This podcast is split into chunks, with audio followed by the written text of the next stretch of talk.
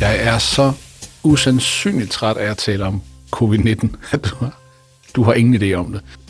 Jeg er nået dertil, hvor jeg tror rigtig store dele øh, af befolkningen har været i lang tid, og det er den der, ej, jeg gider simpelthen ikke det her crap mere. Jeg gider ikke at snakke om det, jeg gider ikke at forholde mig til det. Og øh, vågede mig sågar ud på en restaurant i Jylland øh, her i weekenden, velvidende, at øh, det ikke er super sikkert, hvis man gerne vil undgå det at skidt, før man skal vaccineres. Det var oven købe et sted, hvor man ikke tjekkede coronapas. Så langt ude på landet var vi. Og alligevel så står vi her og skal lave øh, i pandemiens tog 15 og snakke om alt det, der er sket siden. Det er virkelig øh, det er modvilligt fra min side. Men, og, og, og, øh, og jeg har også kigget i statistikken. De afsnit, vi har lavet om covid-19, altså vores serie i pandemiens tog, det er de mindst populære afsnit i hele vores podcast-historik. Men popularitet korrelerer jo altså ikke med vigtighed. Og vi bestemmer fuldstændig selv, hvad vi taler om. Så here goes. Endnu en episode i pandemiens tog. Det er nummer 15. Og det skal handle om aerosolsmitte. Jeg troede så faktisk, at øh, afsnit 13 om grønzonen ville være blevet det sidste. Men så er det jo dig, der egentlig vil lave nummer 14. Og så er det så mig, der gerne vil lave nummer 15. Var det det? Det mindes jeg ikke. Men okay. uh, men ja, det her det handler om, hvordan smitter det her skidt. Og uh, det har vi jo tidligere taget under behandling. Der var en uh, meget tidlig episode, vores uh, nummer 6 i første sæson, der hed Smittens uansagelige veje, som uh, med den måske lidt for smarte titel gemte, hvad det egentlig handlede om. Uh, nemlig at SARS-CoV-2 er luftbåren. Øh, og så i episode 10, vores første sæson, så talte vi så om de her epistemiske sårbarheder, hvor det med den luftbårne smitte er en af dem, og det er jo den her idé om, at virus egentlig udnytter nogle svagheder, nogle sårbarheder i den viden, og den måde, man tænker ting på inden for især biomedicin, til at blive spredt. Um, og det er jo så der, hvor der er sket nogle ret vilde udviklinger her de sidste par uger. Men øh, lad os prøve at, at starte mere konkret. Øh, og du nævnte jo, at øh, du har været på restaurant. Mm-hmm. Og der er nemlig også inden for den sidste uges tid en meget interessant case med en helt hoben smittet på en re- restaurant i Nordsjælland. Det er vist Rungsted, lad jeg mig fortælle, øh, selvom myndighederne ikke øh, har vil øh, ud med en præcis lokation. Nej, men det må være noget kulturbestemt jo. Det kan jo være, ja. Det er den særlige viskebælte-kultur, der gør sig gældende der. Um, og øh, der er i hvert fald forleden af, var der mindst uh, 67 smitter. Jeg tror, der er blevet fundet måske en 20 flere, eller sådan noget, så vi er oppe på en uh, 80-90 stykker med en uh, dan variant, hvis sågar en meksikansk variant. Mm. Og det var ret interessant at se, hvad, øh, hvad sundhedsmyndighederne de udtalte i den forbindelse, især i forhold til, hvad der er sket på den internationale forskningsscene kan man sige, og især som den har udspillet sig på Twitter, og også i nogle af de øh, store anerkendte øh, medicinske tidsskrifter. Fordi det, man hævder, det er, at for eksempel myndigheden ikke ved præcis, hvordan smitten har spredt sig mellem ansatte og gæster. Og øh, man mener også, at øh, det er uvist, hvordan den er startet, og man nok ikke får svaret på det spørgsmål nogensinde. Og der er så Bente Møller, der er enhedschef og overlæge i Styrelsen for Patientsikkerhed, udtale til DR, at øh, virus er væk på de steder, hvor det kan have spredt sig. Det forsvinder efter 48 timer, så det bruger vi ikke tid på at finde ud af. Det vigtige er, at vi får sat en stopper for spredning, at restauranten er lukket og informeret om regler for hygiejne, hvilket er helt standard i de her sager, og vi har talt med alle de relevante personer, der er en del af det her. Der står meget mellem linjerne der, gør der ikke det? Det gør det, Altså, ja. øh, man behandler det her, som om det var en norovirus. Som om det sidder på dørhåndtag på toilettet og så videre. Øhm, det, altså, selv, selv jeg i min modvillige tilgang til, til den her snak bliver sådan lidt, åh, jeg bliver lidt træt. Det skal siges, at vi lavede den episode, vi kaldte Smittens urensagelige veje, som den tredje episode i i pandemiens tog, og den optog vi, eller den lancerede vi faktisk den 11. 7. 2020. Og det var ikke sådan, at vi stod og havde opfundet ideen om luftborgen smitte i, i, i juli sidste år. Det var fuldstændig almen viden øh, øh, på alle, hos alle de kilder, som vi øh, bruger til at, at suge til os her. Nu står vi her næsten et år efter, Ikke? Og vores sundhedsmyndigheder, de kan så ikke forstå, at det der kontaktsmitte kan sprede sig til, til 90 mennesker på en restaurant. Og så er det blevet endnu mere træt. Ja, det forstår jeg godt. Fordi der er jo et kæmpe problem her, det er jo, at vi ikke uh, åbenbart er villige, eller sundhedsmyndigheden er villige til at indse en meget vigtigt uh, karakteristikon ved det her problem, som er, at, uh, at det smitter gennem luften. Uh, fordi hvordan skulle man forklare, at så mange mennesker bliver smittet på en restaurant på så kort tid? Det er jo ikke, fordi de alle sammen har slikket på det samme dørhåndtag. Det uh, håber jeg så, ikke. Men, men det, der også er synes jeg, meget problematisk, det Ben Møller siger, det er jo nærmest, at, at ved at nævne det med dørhåndtag, så, øh, så gør hun jo sådan set øh, os alle sammen dummere. Øh, og, og spørgsmålet er, hvorvidt ved man hos sundhedsmyndigheden godt det med aerosolsmitte, som man har indset øh, internationalt, eller ved man det ikke? Og, og, og, og begge, kan man sige, begge ting er egentlig problematiske. Ikke? Altså hvis de ikke ved det, så er det jo virkelig udtryk for, Mm. inkompetence, men, men hvis man øh, ved det, men ikke siger til befolkningen, så er det jo vildledende. Og så gør det jo, at folk ikke kan tage de forholdsregler, som man kunne have taget ellers for at undgå at blive smittet. Mm. Altså, jeg forstår det ikke helt, fordi selv, selv hvis man, som man jo gjorde, eller har gjort i, løbet, i løbet af hele det her øh, at man virkelig har lagt sig tæt op ad WHO's øh, beskrivelse af smitteveje, og WHO's politik på det her område, øh, så kan ikke engang den undskyldning bruges af Bente Møller og kompaner nu, fordi den 8. 5. kom den her nyhed ud. Få dage før var WHO altså ude og sige, at vi tog fejl. Nej, det sagde de ikke. De sagde, hov, øh, det lader til, at covid-19 er luftbåret. Øh, så hvis øh, enhedschef og overlæge Styrelsen for Patientsikkerhed, Bente Møller, havde fulgt med i pressen, så ville hun på det tidspunkt vide, at selv de mest modstræbende typer af WHO har nu indset, at den her virus er luftbåret. Så jeg tror mest på dogenskab, manglende vilje til at opdatere sig selv, øh, grænsen til inkompetence.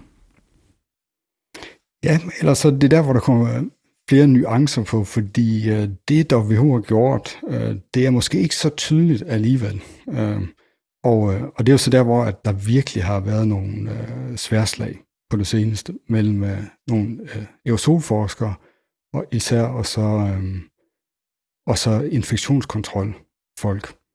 Øh, og øh, det er jo noget, der så åbenbart går langt tilbage, og der, og der hvor, hvor vi sådan først stødte øh, på det for alvor, det var jo marts sidste år.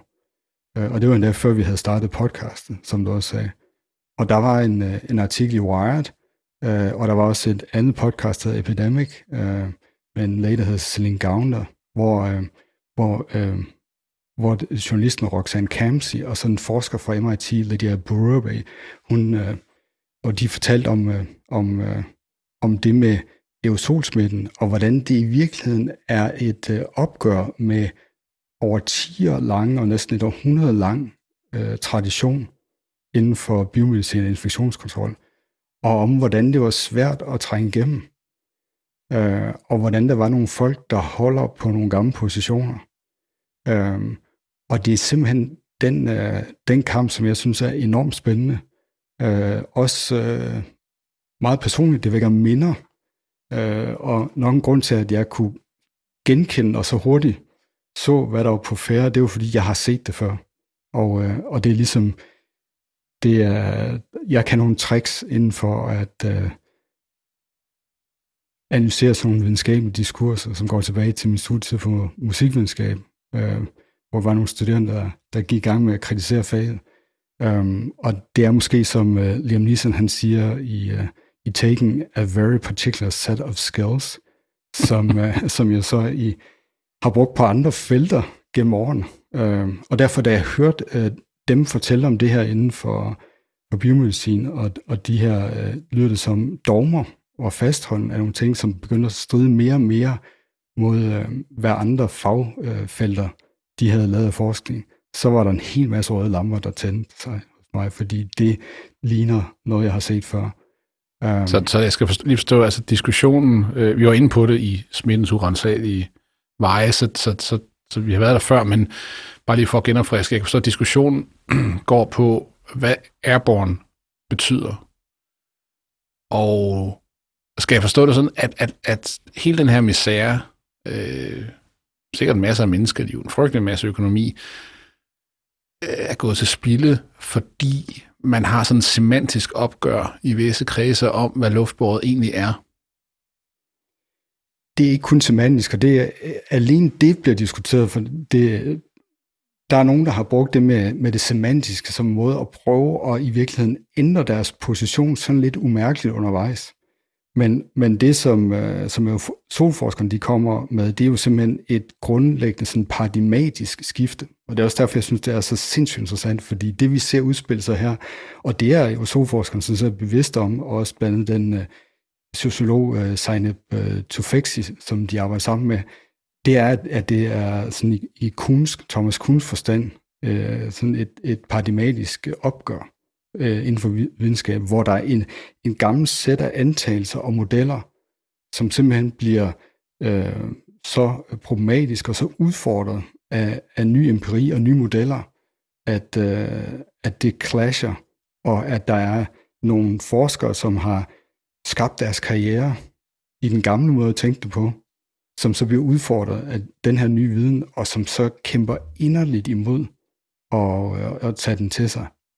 Men, men jeg, jeg, jeg, det, jeg er sikkert bare øh, lidt smådum her. Jeg forstår bare ikke, hvorfor det er så øh, væsentligt, specielt for videnskabsfolk, at holde fast i altså definitionen af, hvad der er luftbåret, og, og åbenbart et eller andet intens øh, trang til at insistere på, at lige præcis det her virus, det er kontaktbåret, at, at, at, at det af et eller andet grund ikke kan bevæge sig i, øh, i, igennem luften, ovenkøbet hjulpet af nogle små øh, øh, hvad hedder det, spytpartikler. Øh, at den, det, det betyder så meget, at de her spytpartikler skal være lidt større.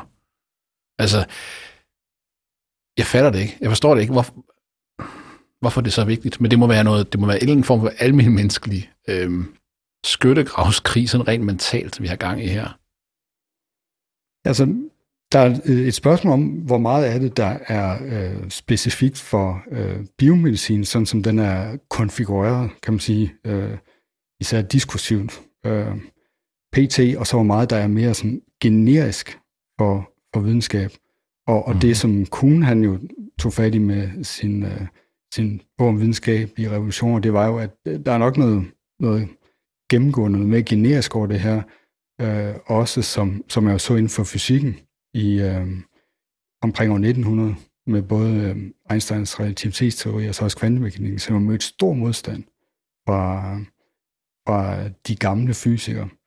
Øh, og, øh, og det er jo så også nogle eksempler, som bliver, ja, som bliver påkaldt sig i den her sammenhæng. Øh, og så er der så måske noget mere øh, specifikt også, øh, som øh, man, man kritiserer biomedicin for, og det er måske en kultur, hvor man snarere hvor man går efter at øh, have de rigtige svar, snarere end at finde de bedre svar. Og øh, det kan måske også have noget at gøre med, at, at det er jo en, en praksis, hvor man skal behandle nogle patienter, og der vil man gerne have en vis autoritet i den proces, så der har man, vil man gerne have svarene på, hvordan tingene er, øh, og, øh, og så burde man måske ikke om at blive øh, udfordret på sin autoritet, sin epistemiske autoritet, fordi man ser mm. sig selv som dem, der har svarene. Øh, og så i det her tilfælde, så kommer der så nogle, øh, nogle aerosolforskere og siger, at øh, jeres svar, det I har sagt, de antagelser, jeg har gjort jer i så mange årtier, de passer faktisk ikke.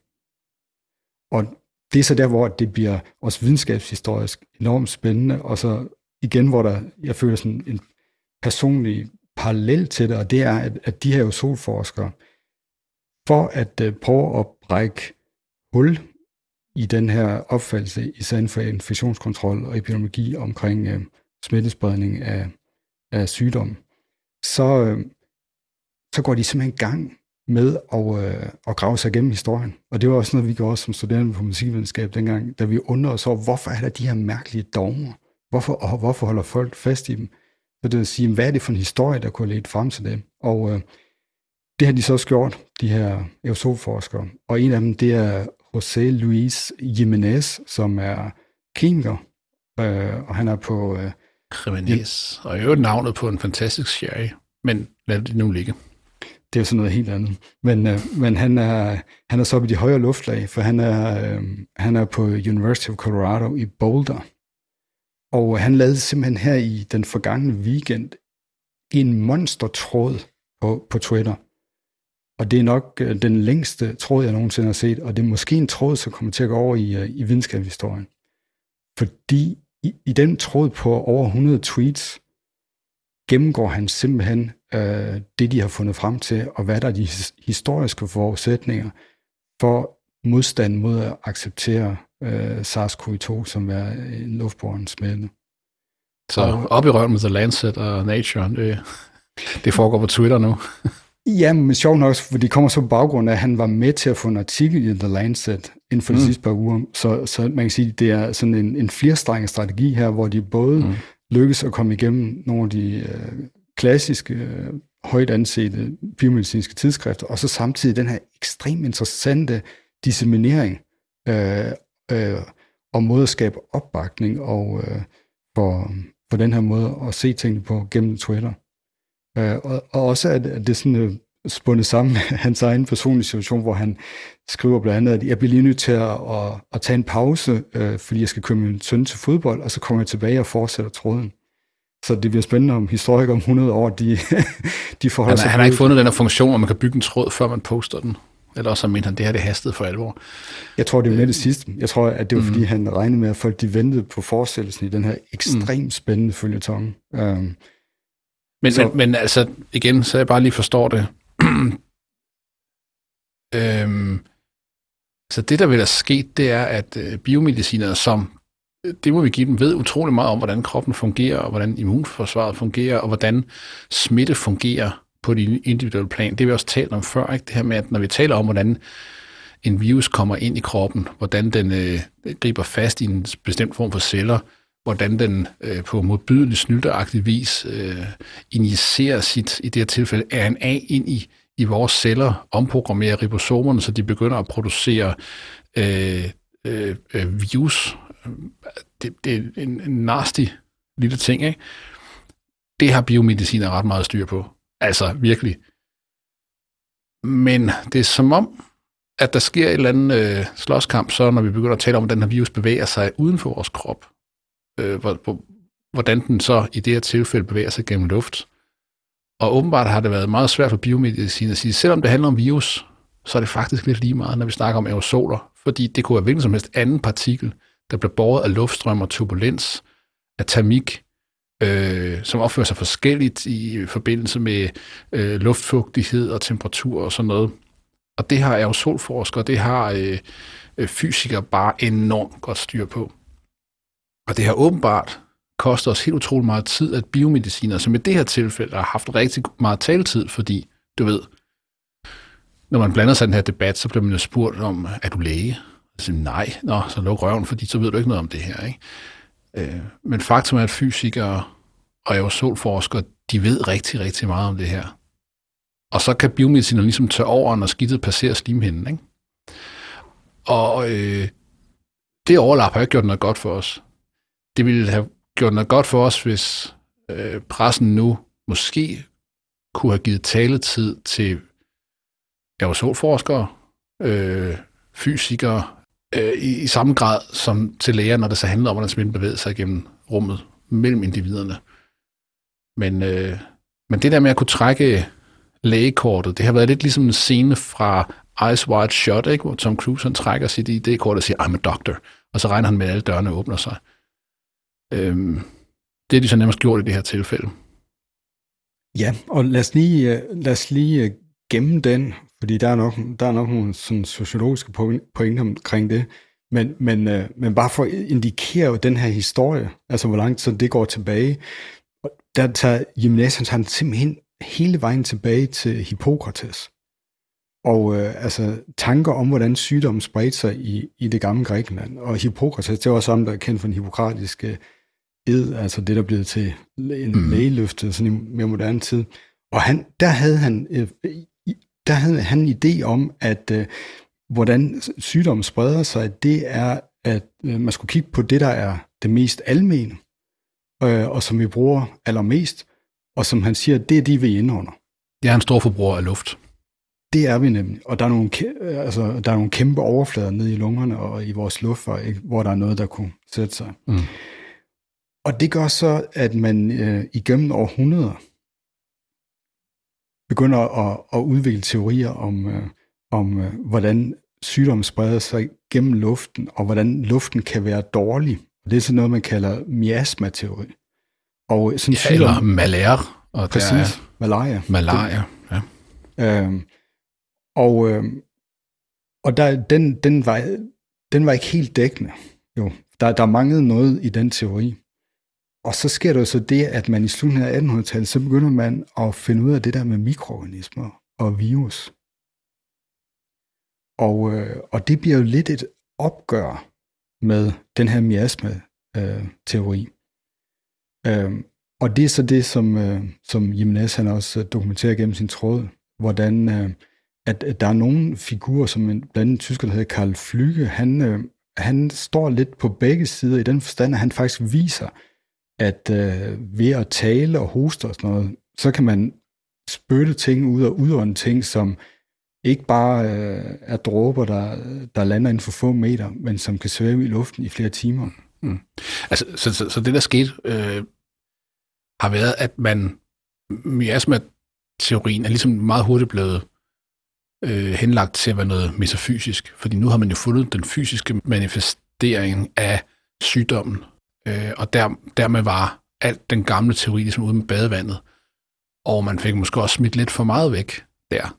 Der havde måske været et eller andet form for en forståelse alligevel af det luftborgerne, uden at man havde kunne pege specifikt på, hvad der var, der var luftbåret. Men der havde været et eller andet øh, grundlæggende forståelse, ubevidst måske, om, at øh, det var alligevel pokkers, at folk blev smittet nærmest på afstand, ikke? Jo, og det, øh, det er jo noget, altså, nogle erfaringer, man også har gjort sig praktisk gennem århundreder. Mm. Øh, og som øh, så er blevet bygget ind i nogle, øh, nogle, øh, ja, nogle fremgangsmåder, nogle strategier osv., øh, for, at, øh, for at bekæmpe sygdommen. Men, men det var der, hvor at der så var behov for at få altså gjort så, så grundigt et opgør med den her gamle teori, som jeg synes metafysisk, det er nok meget god måde at karakterisere på den, at der nærmest skete den her overkompensation. Og der var det, de øh, Jimenez han øh, så dokumenterer, og det de har fundet ud af, det er, at der, der er en fyr, der hedder Charles Chapin i USA, som i 1910 lavede en bog, der hedder The Sources and Modes of Infection. Og den øh, bog grundlægger den moderne infektionskontrol, og han konceptualiserede kontaktsmitten. Og så laver han nogle refleksioner over det med den potentielle øh, øh, dråbesmitte og så potentielle luftbåren smitte, men så ender han med at sige, at det skal vi nok lægge bag os for at komme videre, men han har sådan set ikke rigtig så meget empiri at basere det på. Mm-hmm. Så, så det er nok virkelig der, hvor hans overkompensation kommer til at ligge, fordi han ved, der skal noget til for at få den her nye teori masseret ind og få den til at overtage den gamle miasmateori, så han bliver nødt til at formulere det på en måde, så den lægger tilstrækkeligt stor afstand for det, der var. Og i, i det greb kommer han så til at, øh, at lægge for meget vægt på kontaktsmænd, og, og, og henviser ikke bare øh, luftbåren til en anden plads, men nærmest som noget, man overhovedet ikke behøver at, at tage hensyn til. Men siden da Altså, det at være luftborn, altså alle, der har været i biografen og set Outbreak, de ved jo, hvad airborne betyder. Og øh, det kan jo ikke passe, at, at biomediciner ikke ligesom har accepteret, at nogle, nogle øh, virer er øh, luftbåret, også uden hjælp fra droplets. Øh, jeg mener, mæslinger er der luftbåret, og det er, er det ikke accepteret, at den er det? Ja, nu skal du bare høre, fordi det er også ja, noget af det, de får dokumenteret. og, og det er jo også, altså det er jo virkelig mærkeligt at, at se det. Men, men hvis vi lige går tilbage til uh, influenza-pandemien uh, i 1918, der ja. var jo klare indikationer også at der var noget luftbånd her, og det var, der var også nogle ting, der hjalp. Det var for eksempel at, at lægge patienter udendørs, så de ikke lå sammen, tæt sammen indendørs og sådan noget. Ja. Ved du hvad, man, op, man opfordrer folk til at tage maske på. Så, det ved jeg ikke, om du har hørt om det. Crazy fænomen. Ikke? det, det forekommer, jeg har set nogle gamle øh, grynede mm. fotografier af det. Så det var der egentlig, men, men alligevel så blev Chapins idéer, de blev fremherskende i løbet af næste par årtier. Men så var der et ægtepar, der hedder Wells i, øh, i 30'erne, og, og, og manden William øh, Wells, han var på Harvard, øh, og de gav sig i kast med at kigge på øh, især tuberkulose og mæslinger. Og så begynder de faktisk at, at, at, at, at differentiere mellem, øh, hvad der er sådan en dråbe spray, altså der kommer for eksempel et nys, hvor det er nogle større, øh, tungere dråber, der, som vi også en gang imellem oplever, når vi taler, ikke? så kan der godt komme sådan en dråbe, og så flyver den hen og sætter sig på et bord eller et eller andet. Øh, og det var det, som øh, Chapin han talte om, men så også, at der er nogle luftbårende dråber, øh, aerosoler, og så det, man på dansk kalder dråbekerner også, hvor der er noget af en større dråbe, der når at for, øh, fordampe, og så bliver resten luftbåren. Mm-hmm. Og det, de finder ud af, det er, at dråber, der er cirka over 100 mikroner, de falder til jorden inden for nogle få sekunder. Men, men, men det er, det er et meter og to meter reglen, som vi jo lærte af brugstrøm, ikke? Det var, ja. der var bygget på ideen om de her ballistiske dråber, der, der sådan set bare faldt en blød bue og landede på, på gulvet. Ja. Men så, altså dråber, der så er, er mindre end det, dem kan de se, at det ser ud til, at de svæver, men de møder kæmpe stor modstand. Og så bliver de sågar beskyldt for at ville bringe den her miasma-teori tilbage igen. Mm. Så ikke engang deres arbejde gjorde, at man anerkendte øh, mæslinger og tuberkulose som, som værende luftbårne. Ikke engang hardcore empiri. Nej.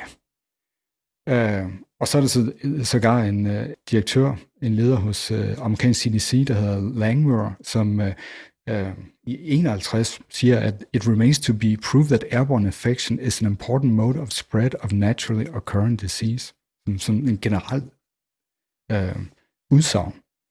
Øh, så det er noget, der er det, der bliver bagt ind i selve DNA'et, kan man sige, af amerikanske CDC, som bliver grundlagt der. Og det kan jo så måske også være med til at forklare, hvorfor den institution også har fejlet så grundigt i, øh, i den her omgang. Fordi en ting er, at folk har kigget mod WHO, men noget andet er, at folk jo dengang også har kigget i retning af amerikanske CDC. Øh, og derfor så er det jo så interessant også at sige, at det her problem, det har ikke noget at gøre udelukkende med, med øh, Trump-regeringen i USA. Det er noget, som er grundlagt meget længere tilbage, og som har meget mere med epistemologi at gøre, øh, end det havde amerikansk politik i, øh, i 2020 at gøre. Så skal vi faktisk hen til starten af 60'erne, ikke? Øh, hvor altså, der er det her Wells ægtepar, de arbejdede i 30'erne på at få anerkendt tuberkulose og mæslinger som luftbåren. Så bliver der faktisk lavet et forsøg på et, øh, et hospital, hvor man fører luft øh, fra nogle øh, tuberkuloseafdelinger op øh, på taget, hvor øh, forskerne så har sat nogle marsvin. Og så har de både øh, nogle marsvin, der bliver udsat for luften fra øh, tuberkuloseafdelingen, og så nogle kontrolmarsvin, som øh, bliver udsat for luft fra en anden afdeling. Og hvad sker der? Så med jo, øh, de her øh, marsvin i interventionsarmen, de bliver smittet af tuberkulose. Det var alligevel pokkers, var. Ja, og, og så, øh, så er det faktisk, at øh, så demonstreret, at, at man må æde den, at tuberkulose er øh, en luftbåren smitte. Mm. Øh, og så det med mæslingers os, det er så først i 1971, at det bliver accepteret, siger Jimenez, efter et udbrud på et tysk hospital. Så det er jo ret vildt, at øh, det tog så lang tid. Nu ikke tuberkulose er en lungesygdom. Den har det godt i lungevævet. Det er sgu ikke mærkeligt, at den spredes via luften, vel?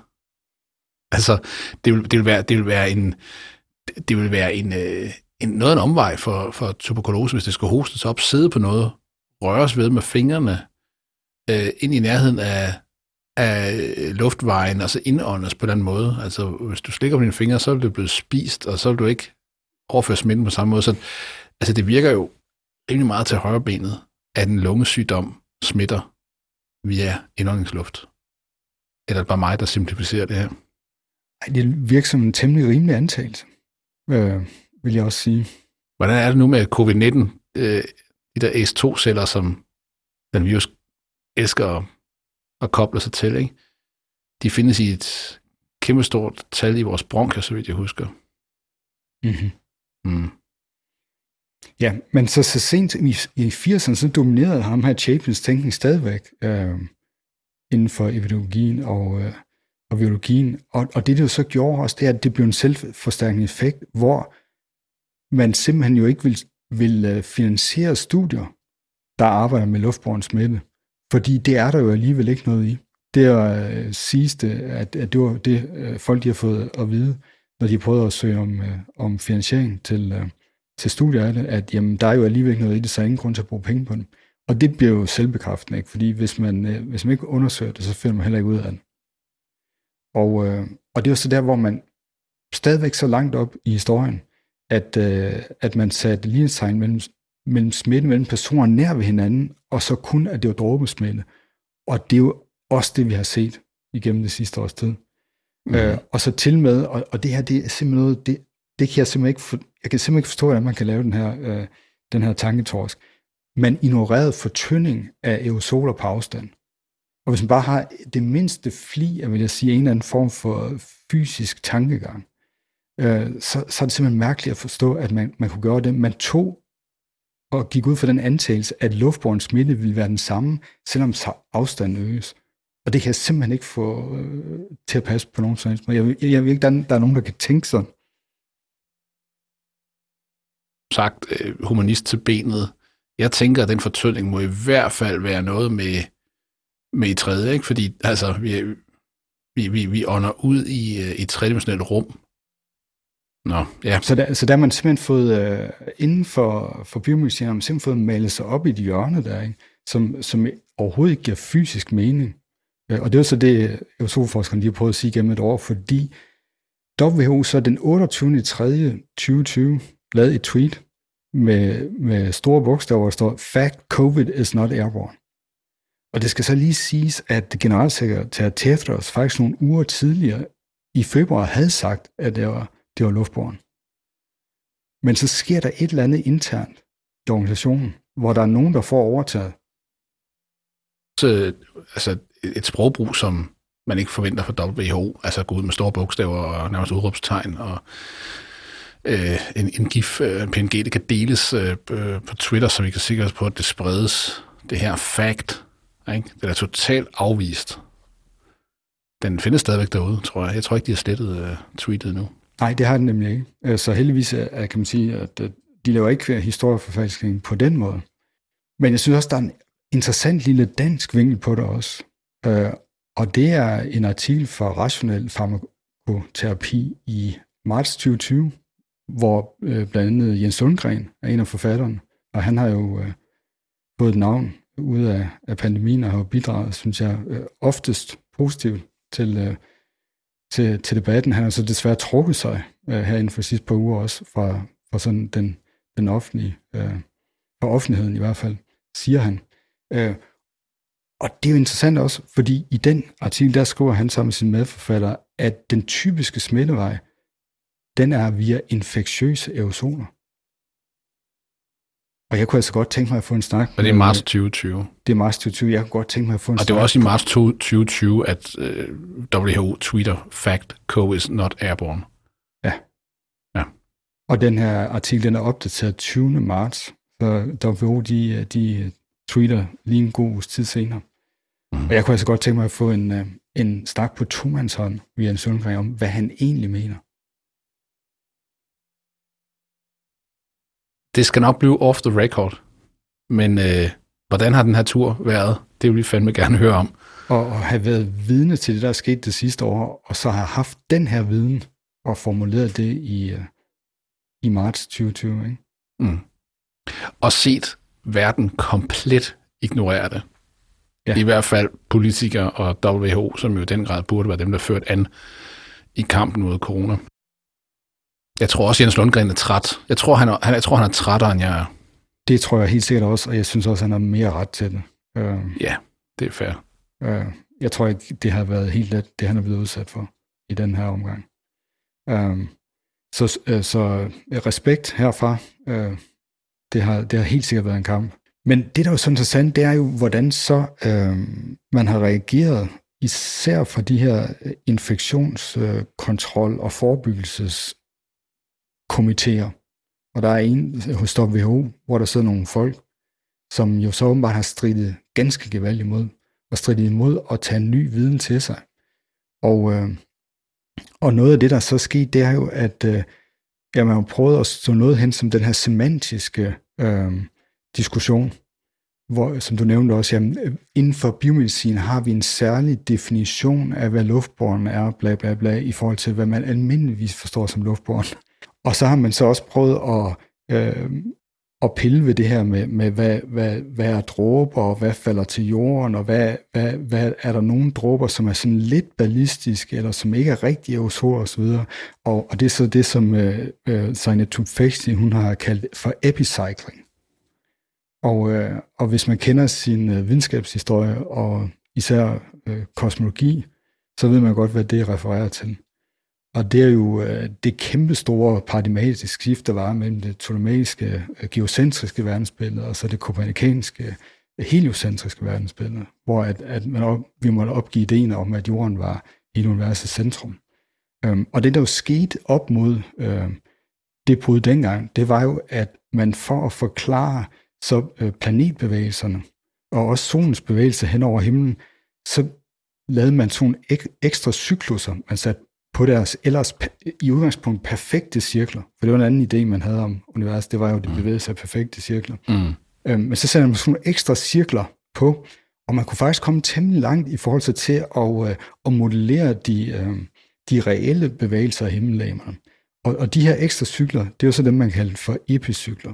Så når øh, Tufekci, hun siger epicycling, så er det de her forsøg fra infektionskontrol side øh, og fra epidemiologisk side på og øh, sådan øh, udbygge sin, øh, sin teori med nogle, nogle flere støttehjul og nogle andre ting, som sådan skulle gå, få den til stadigvæk at holde. Og det er jo altså vildt interessant at se det udspille sig real time øh, på Twitter, hvordan der foregår epicycling. Men det, der så sker, og det er vidderligt det, jeg håber, der er sket nu, det er jo, at den gamle teori, den falder sammen under sin egen vægt, så at sige, når man begynder at, at, at bygge de her ekstra antagelser på, der skal få, få, få skidtet til at hænge sammen. Og, og den har vi også hørt herhjemme, det med, at jamen, det kan godt være, at der er noget med aerosoler på lidt lang afstand, men på, på, på kort afstand, når personer er tæt ved hinanden, så er det stadigvæk de her ballistiske dråber, hvor, øh, hvor jo solforskerne siger, ja... Så, som om, som om øh, luftsmitte, det, det, det skal ligesom først armeres. Det virker først på et par meters afstand, fordi vi vil gerne holde fast i, at, at, at dråberne også kan noget. Præcis. uh, og, og igen, det giver, fanden, altså. det giver jo slet ikke mening i uh, en, en sammenhængende fysisk forståelse af det her fænomen, som, som du indikerede før os. Jamen, der er den her uh, fortynding, ikke? Den sker jo på en måde, hvor at, at koncentrationen den er størst ved kilden, og så efterhånden, som man kommer længere væk fra kilden, også givet, hvordan nu luftstrøm og så videre er, så øh, er der andre koncentrationer. Øh, så, så det er jo sådan et, et klart eksempel på epicycling, hvor man ligesom prøver at tilpasse sin, øh, sin gamle teori til, til den nye empiri og de nyere, stærkere modeller. Mm. Øh, men noget, der så også skete, og det, det skete nok også i forbindelse med det, man kunne kalde det semantikken, øh, det var det var sådan noget gaslighting af de her solforskere. Og uh, Jimenez, han har tweetet, at han vidste egentlig ikke for et år siden, hvad gaslighting betød. Og gaslighting, det er jo uh, det fænomen, at uh, man prøver at uh, i virkeligheden nærmest at gøre nogen skøre ved ja. at, uh, at fortælle dem, at deres oplevelse og deres forståelse af virkeligheden ikke passer. Og uh, et, et godt eksempel på det, hvis vi tager noget fra, fra en dansk film, så er det fra Saba, hvor Bent Meiding, han øh, spiller den her sociopatiske far, som øh, blandt andet lader bilen køre ud i garagen, når han kommer hjem, mm. simpelthen for at lade, øh, for at lade sin hustru øh, blive skør, så han kan, ja. han kan styre hende. Hvor han jo så påstår, at bilen den kører ikke ud i garagen. Øh, og jeg kan huske, at der er andre ting, han som også øh, prøver, han, han bilder hende ind. Men, men der brugte IMNS simpelthen det, om, om det, de var blevet udsat for fra, fra epidemiologisk og infektionskontrolhold, simpelthen sige, jamen, øh, der, I forstår ikke helt det her med smitte, øh, for aerosolforskerne ved. Jamen, der er, jamen, smitte der på en helt særlig måde. Øh, hvor, hvor de jo så, øh, kan man sige, motiverede jo så aerosolforskerne til at, at lave den her historiske undersøgelse, også for at simpelthen finde ud af, hvad er det, de taler om? Mm. Øh, og så finder de ud af, at øh, altså, der er ikke noget bag tæppet det er, det er kejserens nye klæder. Jeg får sådan et mærkeligt billede af en biomediciner som Gentleman Finn i Madrid-aftalen, ikke? Der, Nå, nå, dråber. Nå, ja, twister du den lige. Ja, og så det, der er så interessant, det er, at så på det seneste, der er så virkelig øh, sket noget inden for biomedicin også, øh, hvor der er en begyndende kløft mellem de her mere ofte akademisk orienterede infektionskontrolfolk, og så folkene i frontlinjen. Og det forstår jeg godt. Mm. Fordi mm, jo. antagelser om, hvordan det her smitter påvirker også, hvad er det for nogle værnemidler, og hvad er det for nogle forholdsregler, man tager sig i frontlinjen. Og det er noget, som især udspiller sig, øh, kan jeg se på Twitter nu, øh, for tiden i Australien og i Kanada. Og mm. det undrer mig virkelig, at for eksempel de danske fagforeninger, der repræsenterer øh, sundhedspersonale, ikke også begynder at blande sig. Der er blandt andet i Australien, der er formanden for lægeforeningen i Vestaustralien, som vi har nævnt tidligere. Han er meget fyndig øh, på Twitter. og Han øh, lægger ikke fingrene imellem. Fordi sådan som de, man er begyndt at se det, så det, at de her infektionskontrolfolk, øh, de ikke vil sige tingene klart, og lade det også øh, afspejle sig i retningslinjerne, det gør jo simpelthen, at der er nogen, der øh, sætter deres liv på spil øh, i, i forsøgene på at redde andres liv og kurere dem, og det synes jeg overhovedet heller ikke er i orden. Mm-hmm. Og vi har jo også set, øh, vi har jo også set øh, en del smitte blandt sundhedspersonale i Danmark. Øh, og det mener jeg, man kan føre tilbage til, at man ikke har ville tage konsekvenserne af ja. det her. Og så til med sker der, er der jo så også sket det, at, og det så vi synes især sidste år, hvor der var nogle udbrud på hospitaler, at, øh, at den her frontlinje, den bliver sådan øh, mistænkeliggjort i forhold til, jamen hvis man nu bare havde holdt afstand, og hvis det nu havde spredt ordentligt og så videre, så var det her nok ikke sket. Og det er jo mm. nogle øh, urimelige betingelser. Det er fandme usympatisk. Ikke? Øh, fordi de her, jeg, jeg, jeg vil øh, antage, at på de her hospitaler, der gør man, prøver man at gøre tingene så godt som muligt. Også på de her plejehjem, hvor der var udbrud sidste år i Danmark. Man har virkelig prøvet at gøre ting, som man har fået instruktion om fra, fra Sundhedsstyrelsen og fra Statens Serum Institut, og så alligevel sker der de her ting, og så ender mm. man så med at blive mistænkeliggjort nærmest, om at jamen, det kan godt være, at, at man alligevel ikke havde, havde vasket hænderne nok.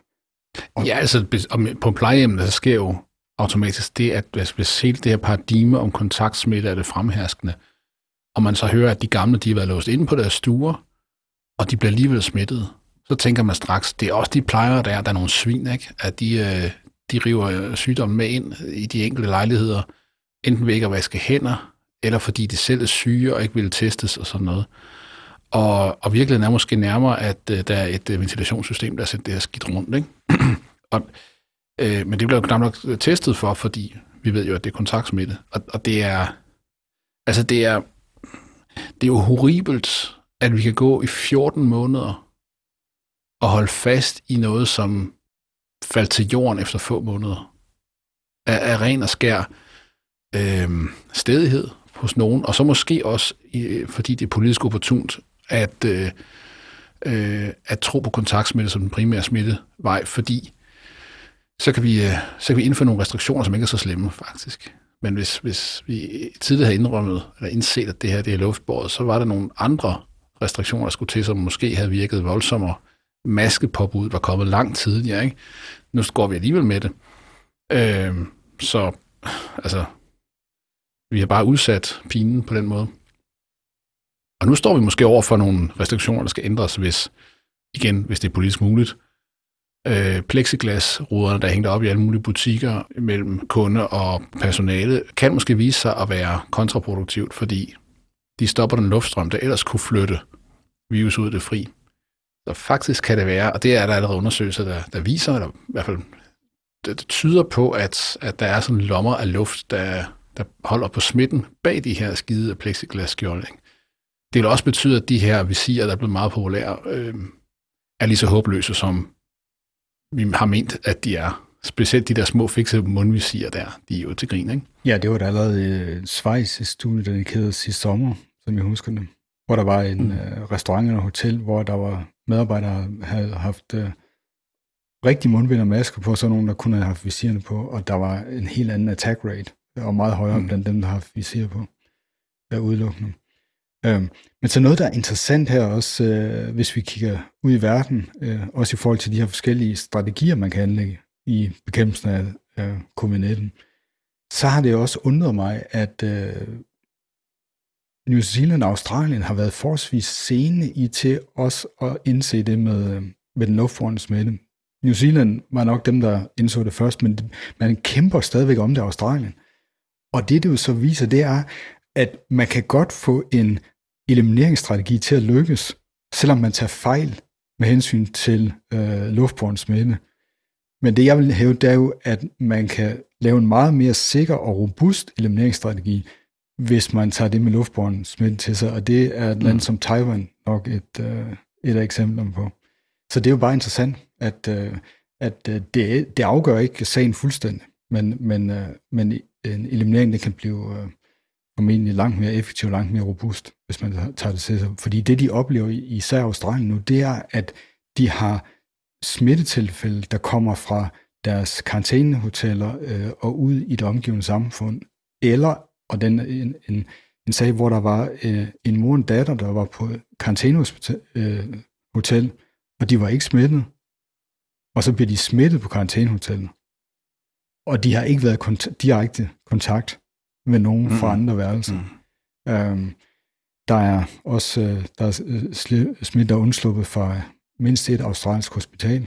Og igen er det jo, hvorfor vil man ikke give de ansatte de værnemidler? Hvorfor vil man ikke tage de øh, hensyn, der skal tages for at beskytte resten af samfundet ude på den anden side af hospitalsmuren? Det forstår jeg simpelthen ikke. Men det igen, altså det er den her, øh, det her paradigme, hvor der er nogle infektionskontrolfolk i Australien, som simpelthen ikke vil ændre på deres måde at se verden på. Og det er så der, hvor at, at også læger og andet sundhedspersonale i, i Australien, de de er meget, meget uh, ihærdige nu for at prøve at, at få rammet det igennem. Jeg, jeg tror ikke kun det er det. Jeg tror ikke, det er sådan, alle politikere, de øh, så bare, øh, du ved, lever i, i et uh, kontaktbåret øh, paradigme. Øh, nogle af dem ganske mange har nok overhovedet ikke nogen idé om øh, historien på det felt, men øh, jeg tror, der er noget andet på spil også, og det, det vi også været inde på tidligere, den her modvilje mod at, at indse øh, alvor i et samfund, som ikke er vant til at håndtere alvor. Altså den alvor, vi håndterer i samfundet, det handler mest om nogle ting, vi opfinder for at gøre alvorlige, ikke? Og, øh, og nu kommer der faktisk noget udfrakommende, som er skide alvorligt. Og, øh, og, og vi, vil, vi vil ikke indse det. Og, og selv dem, i øh, de her magthaverne, der så begynder at indse det, fordi nogle rådgiver siger, at det er alvorligt, det her. Folk bliver faktisk meget syge, det kommer til at koste samfundet mange penge. Vil, vil, øh, vil helst øh, ikke indse det.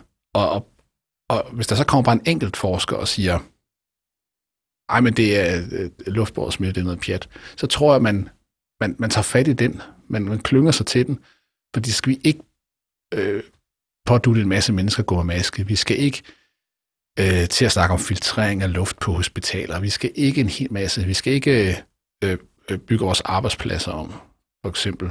Så det er simpelthen nemmere. Og, øh, og vi ved jo, der er jo en indbygget øh, mekanisme i os mennesker. Vi kan ikke håndtere trusler. Øh, vi kan ikke håndtere selv trusler, vi ved er helt reelle. Øh, kan vi ikke øh, arbejde med, før det er sket. Fordi så kan vi sige, at det skete en gang, så sker det nok igen. Og historien er fyldt med den slags. Og, og pandemier er jo, er jo en af dem. Ikke? Altså, så vi vil altid håbe på det bedste, og, øh, og lægge mærke til, hvordan ordet drakonisk har været brugt. Øh, hvor i starten, det at, at, at, at lave bud var et drakonisk forbud. Ikke? En drakonisk restriktion. Nu er det ligesom whatever, nu tager vi masker på. Men den næste restriktion, der kommer, den er drakonisk. Ikke? Det er en meget, meget øh, bevægeligt mål. Det der er drakonisk. Og det siger mere om menneske, menneskelig psyke end om restriktionerne, synes jeg. Men øh, så, så, så jeg, jeg, jeg tror, det er også på spil. Men så hjælper det selvfølgelig ikke, at der kommer nogle biomediciner og trækker lægekort og siger, det er intet på sig. Nej, det er så, ja, fået sådan øh, absurd udtryk, også på det seneste, hvor øh, der var et, øh, et webinar, hvor en øh, blandt andet en af USO-forskerne, Kimberly Prather, hun var med, og så var der en epidemiolog, der hedder David Fishman, er kanadisk, og han har faktisk været ude og sige helt klart, jeg sagde det med dråberne til at starte med. Jeg tog fejl. Jeg har lært noget af OSO-forskerne. Mm. Øh, og det tager virkelig hatten af stor respekt for ham. Han er også med til at skrive nogle af de her øh, papers i de store medicinske tidsskrifter. Og så var der en, der hed Joseph Connolly, som er med i øh, WHO's infektionskontrolkomité, og som er professor i Canada. og det var sådan nærmest øh, pinagtigt at opleve, fordi. Komisk han, nærmest ja, fordi man skulle tro Conley, han sad i den her komité, og han burde jo virkelig have styr på argumenterne for den her øh, drogebaserede kontaktsmitte. Og så kommer han med en præstation, der er simpelthen en dårlig præstation, men også med argumenter, som simpelthen er så dårlige, at, at øh, det skriver til dem. Et af de argumenter, han havde for, hvorfor man ikke skulle give sundhedspersonale en 95 masker, var, at øh, man kunne også få akne af det. Det er fucking løgn. Altså også uh, læge, det? det læger og sygeplejersker, ja, læger og sygeplejersker tweeter bag, ved du hvad, jeg tager gerne den her akne, eller for at undgå øh, øh, risikoen for at pådrage Jamen, for fanden. øh, så øh, covid-19, mens jeg udfører mit job. Øh, men den, den ligger også derude, vi skal nok, øh, vi skal nok linke til, men det er altså en virkelig tokrummende oplevelse at se den. Så altså, jeg sige, et helt centralt spørgsmål er netop så nu, hvordan den her viden kommer til at afspejle sig i retningslinjerne fremover, ikke? og som du var inde på før. Og, og det, der så sker rundt omkring, og det har så det også til Sundhedsstyrelsen har været i gang med her i Danmark, det er, at man i smug prøver at snige opdatering ind på sine øh, websider, og det har amerikanske CDC også gjort, hvor man faktisk begynder at formulere sig omkring aerosoler, og også at det smitter på afstand osv., øh, især indendørs, og vi har også blevet i Danmark jo opfordret til at ventilere, og det giver kun mening, hvis det, hvis det er aerosoler, men man har jo ikke været ude at sige, det vi har sagt tid til passer faktisk ikke rigtigt, og nu skal vi gøre noget andet. Den har man ikke taget, og det er jo også noget af det, aerosolforskerne, de, øh, øh, de opfordrer til, at man bliver simpelthen nødt til at gå ud og sige klart, hvad implikationerne af det her er. Man kan ikke bare sådan snige den ind fra siden mm-hmm. og i ly af natten, øh, fordi vi bliver nødt til at gøre nogle ting anderledes. Øh, og... Vi må håbe på, at, at, at det medfører et paradigmeskifte. Jeg kan blive lidt i tvivl, ikke? fordi den mest fodslæbende type herhjemme, når det kommer til aerosolsmitte, det er jo vores egen brostrøm. Han har vidderligt ikke været langt fremme i skoene for at indse ny viden. Øh, og han tiltrådte jo her 1. maj i bestyrelsen i WHO. Det er, det er et topjob i, i den verden, ikke? Øh, og hvordan har han gjort sig fortjent til det? Altså ved at benhårdt følge WHO's ekstrem reaktionære linje, kunne jeg forestille mig. Altså man skal jo huske, at politik er ikke noget, politikere bare går ud over. Politik er en ting, der opstår, når mennesker de er tæt på hinanden i længere tid. Så opstår der politik. Og det opstår blandt biomediciner, og det opstår blandt forskere. Og politik kan være en sindssygt stærk ting. Man skal bare observere dansk politik for tiden, så vil man jo se, hvor... Altså, der er ingen grænser for de absurditeter, politikere vil stille sig frem og fremføre i den tro, at det kan gavne deres egen sag og deres karriere. Og det gælder jo altså også biomedicin, og det gælder også forskere inden for alle grene, at når der går politik i tingene, så bliver det absurd. Og så har videnskab det hårdt, og videnskab forstået som rigtig videnskab, den videnskabelige metode, den, øh, den taber det, øh, det slag. Det er der ikke nogen tvivl om. Sagen er jo så også, at der er jo også øh, både politik og magt inden for videnskab, og det er jo det, vi ser her. Ikke? Mm-hmm. Øh, hvor at, jeg tror set, at, at hvis, øh, hvis man har kommet fra infektionskontrol øh, side, også fra epidemiologisk side øh, for et år siden, har sagt noget andet, så kan det godt være, at politikerne sådan set var med på den, altså øh, politiker-politikeren. Men, men det er jo så fordi, at der er øh, forhold mellem viden og magt og øh, anseelse, autoritet og sådan noget, det udspiller sig inden for videnskaben også. Øhm, og, øh, og det er jo så det, der skulle til åbenbart for at løse op for for tilstanden inden for biomedicin. Så det var jo så, at der kommer nogen udefra og, og, øh, og kommer med noget øh, set fra en helt anden vinkel. Og det, jeg synes sådan er epistemologisk meget interessant, det er, hvordan, øh, hvordan biomedicin i det her tilfælde sådan er blevet pwned by, af, af fluiddynamik, øh, altså fysik, øh, og at, øh, at den evidensbaserede medicin, som i en eller anden forstand nok er affødt af noget fysikmisundelse i løbet af det 20. århundrede, den har været med til at skabe betingelserne for det her. Øh, og, og det er sådan, øh, ud fra hvordan systemer fejler, er jo sindssygt interessant, øh, at, øh, at hele den måde, man har gået til at, at ville rense op og lave operation morgenluft i lægevidenskaben med en evidensbaseret medicin, nærmest har ledt til den her situation, hvor så fysikken kommer ind og siger, vi ejer jer alligevel, fordi I kan mm. ikke finde ud af at lave øh, feltteorier. Det kan vi, venner nu skal vi, og det, det er så der, den skal vi lige have med også, nemlig at ovenpå det, man siger, kvalitative øh, artikel, der var i Lancet, som øh, Jimenez var med til at skrive blandt andet sammen med Tricia Greenhalgh, der er professor i medicin på, på Oxford, øh, men som også, selvom hun har været med til at skrive en af lærebøgerne i evidensbaseret medicin, også er kritisk over for, hvad det måske har gjort epistemologisk.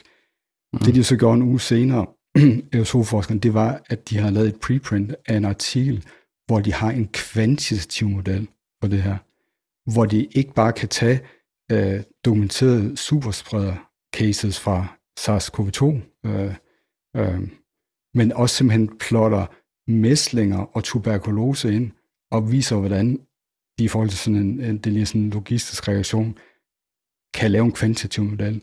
Altså hvis ikke det er det, det sociale pone, så ved jeg ikke, hvad det er. Men, men, øh, men, men det har de så ligesom fulgt det kvalitative op med den her kvantitative model. Øhm, og jeg ved ikke, om, om det er næsten lidt sundt for de her infektionskontrolfolk, som jo virkelig bare har overtaget nogle dogmer, som de ikke har tænkt over. Og det er måske der, mm. hvor der er gået noget galt i evidensbaseret medicin, hvor man jo som også aerosolforskeren påpeger, det virker som om, at bevisbyrden eller evidensbyrden for at tage det med det, øh, det øh, luftbånd til sig, den skulle være meget større, end det man havde i forvejen. Mm. Og der er også en læge, øh, der har lavet et meget fedt tweet, hvor hun listede, hvad er evidensen for, en mæslinger er luftbåren, og hvad er evidensen for, at SARS-CoV-2 er luftbåren. Og på det her tidspunkt er langt mere evidens for, at SARS-CoV-2 er luftbåren end mæslinger. Så, så det, der er sket nok i evidensbaseret medicin, det er, at man har, man har, man har ligesom arvet en masse ting, og så har man glemt, at dem fik vi ikke lige tjekke, hvad evidensen egentlig var for dem. Men fordi vi er evidensbaseret medicin, og fordi the show must go on, vi skal jo behandle nogle patienter, og vi skal jo tage os af nogle ting, jamen, så kører vi bare videre med det. Hvor, hvor hvis man mm. virkelig skulle have lavet evidensbaseret medicin, så skulle man jo have lavet en clean slate, og sagt, så, så må vi bygge den op for grunden. Men det kan man jo ikke, fordi virkeligheden er der jo stadigvæk, der er jo stadigvæk patienter, der skal behandles, der er sygdomme, der opstår. Så jeg mm. tror, det er nærmest det, der er sket. Man har simpelthen bare importeret noget sådan uh, en gros, og så, så har man bare kørt videre på det. Mm, og det er jo helt fair, når man står i frontlinjen, at der kommer en ind, der ikke kan, kan trække vejret, så gør vi det, vi plejer. Vi har også i tidligere episoder nævnt det her med, at man, man ude i, i hospitalerne ret hurtigt øh, fik udviklet øh, nye behandlingsmetoder. Man fandt ud af, hvordan man skulle styre ildtrykket. Man fandt ud af, hvilken form for øh, respiration, der gav mening på de her patienter. Ikke? Altså, der er jo, det, det var sgu evidensbaseret videnskab øh, på det fineste.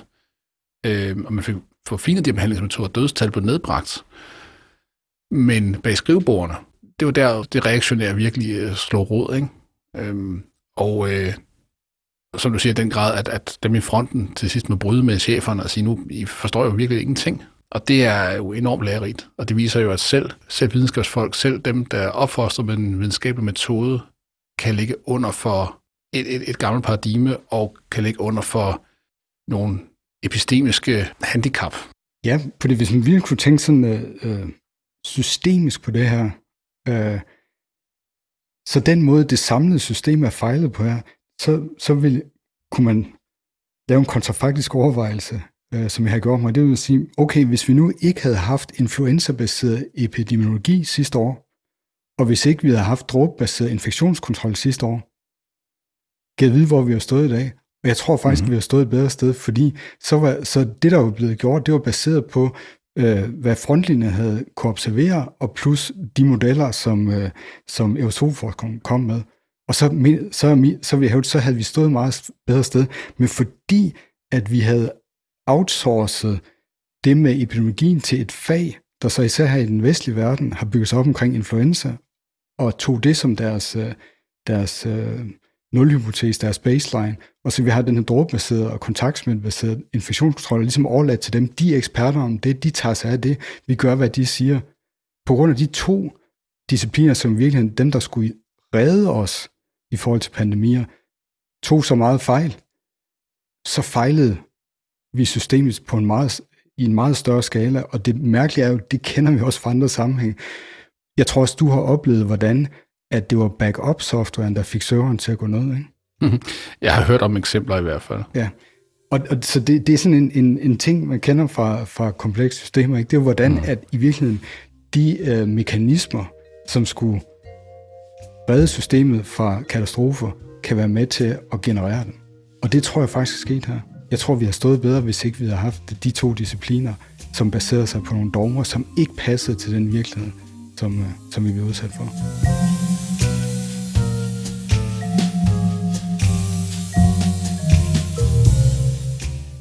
Silberbauer og Blomset er en samtale om systemerne, videnskaben og mønstrene bag fænomener og teknologier, der præger alt fra vores dagligdag til menneskehedens ultimative skæbne.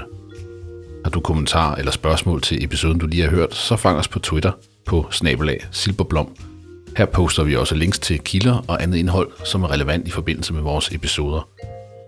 Abonner på Silberbauer og Blomset på Spotify, Apple Podcast eller din yndlingspodcasttjeneste. Tak fordi du lytter med. Thank you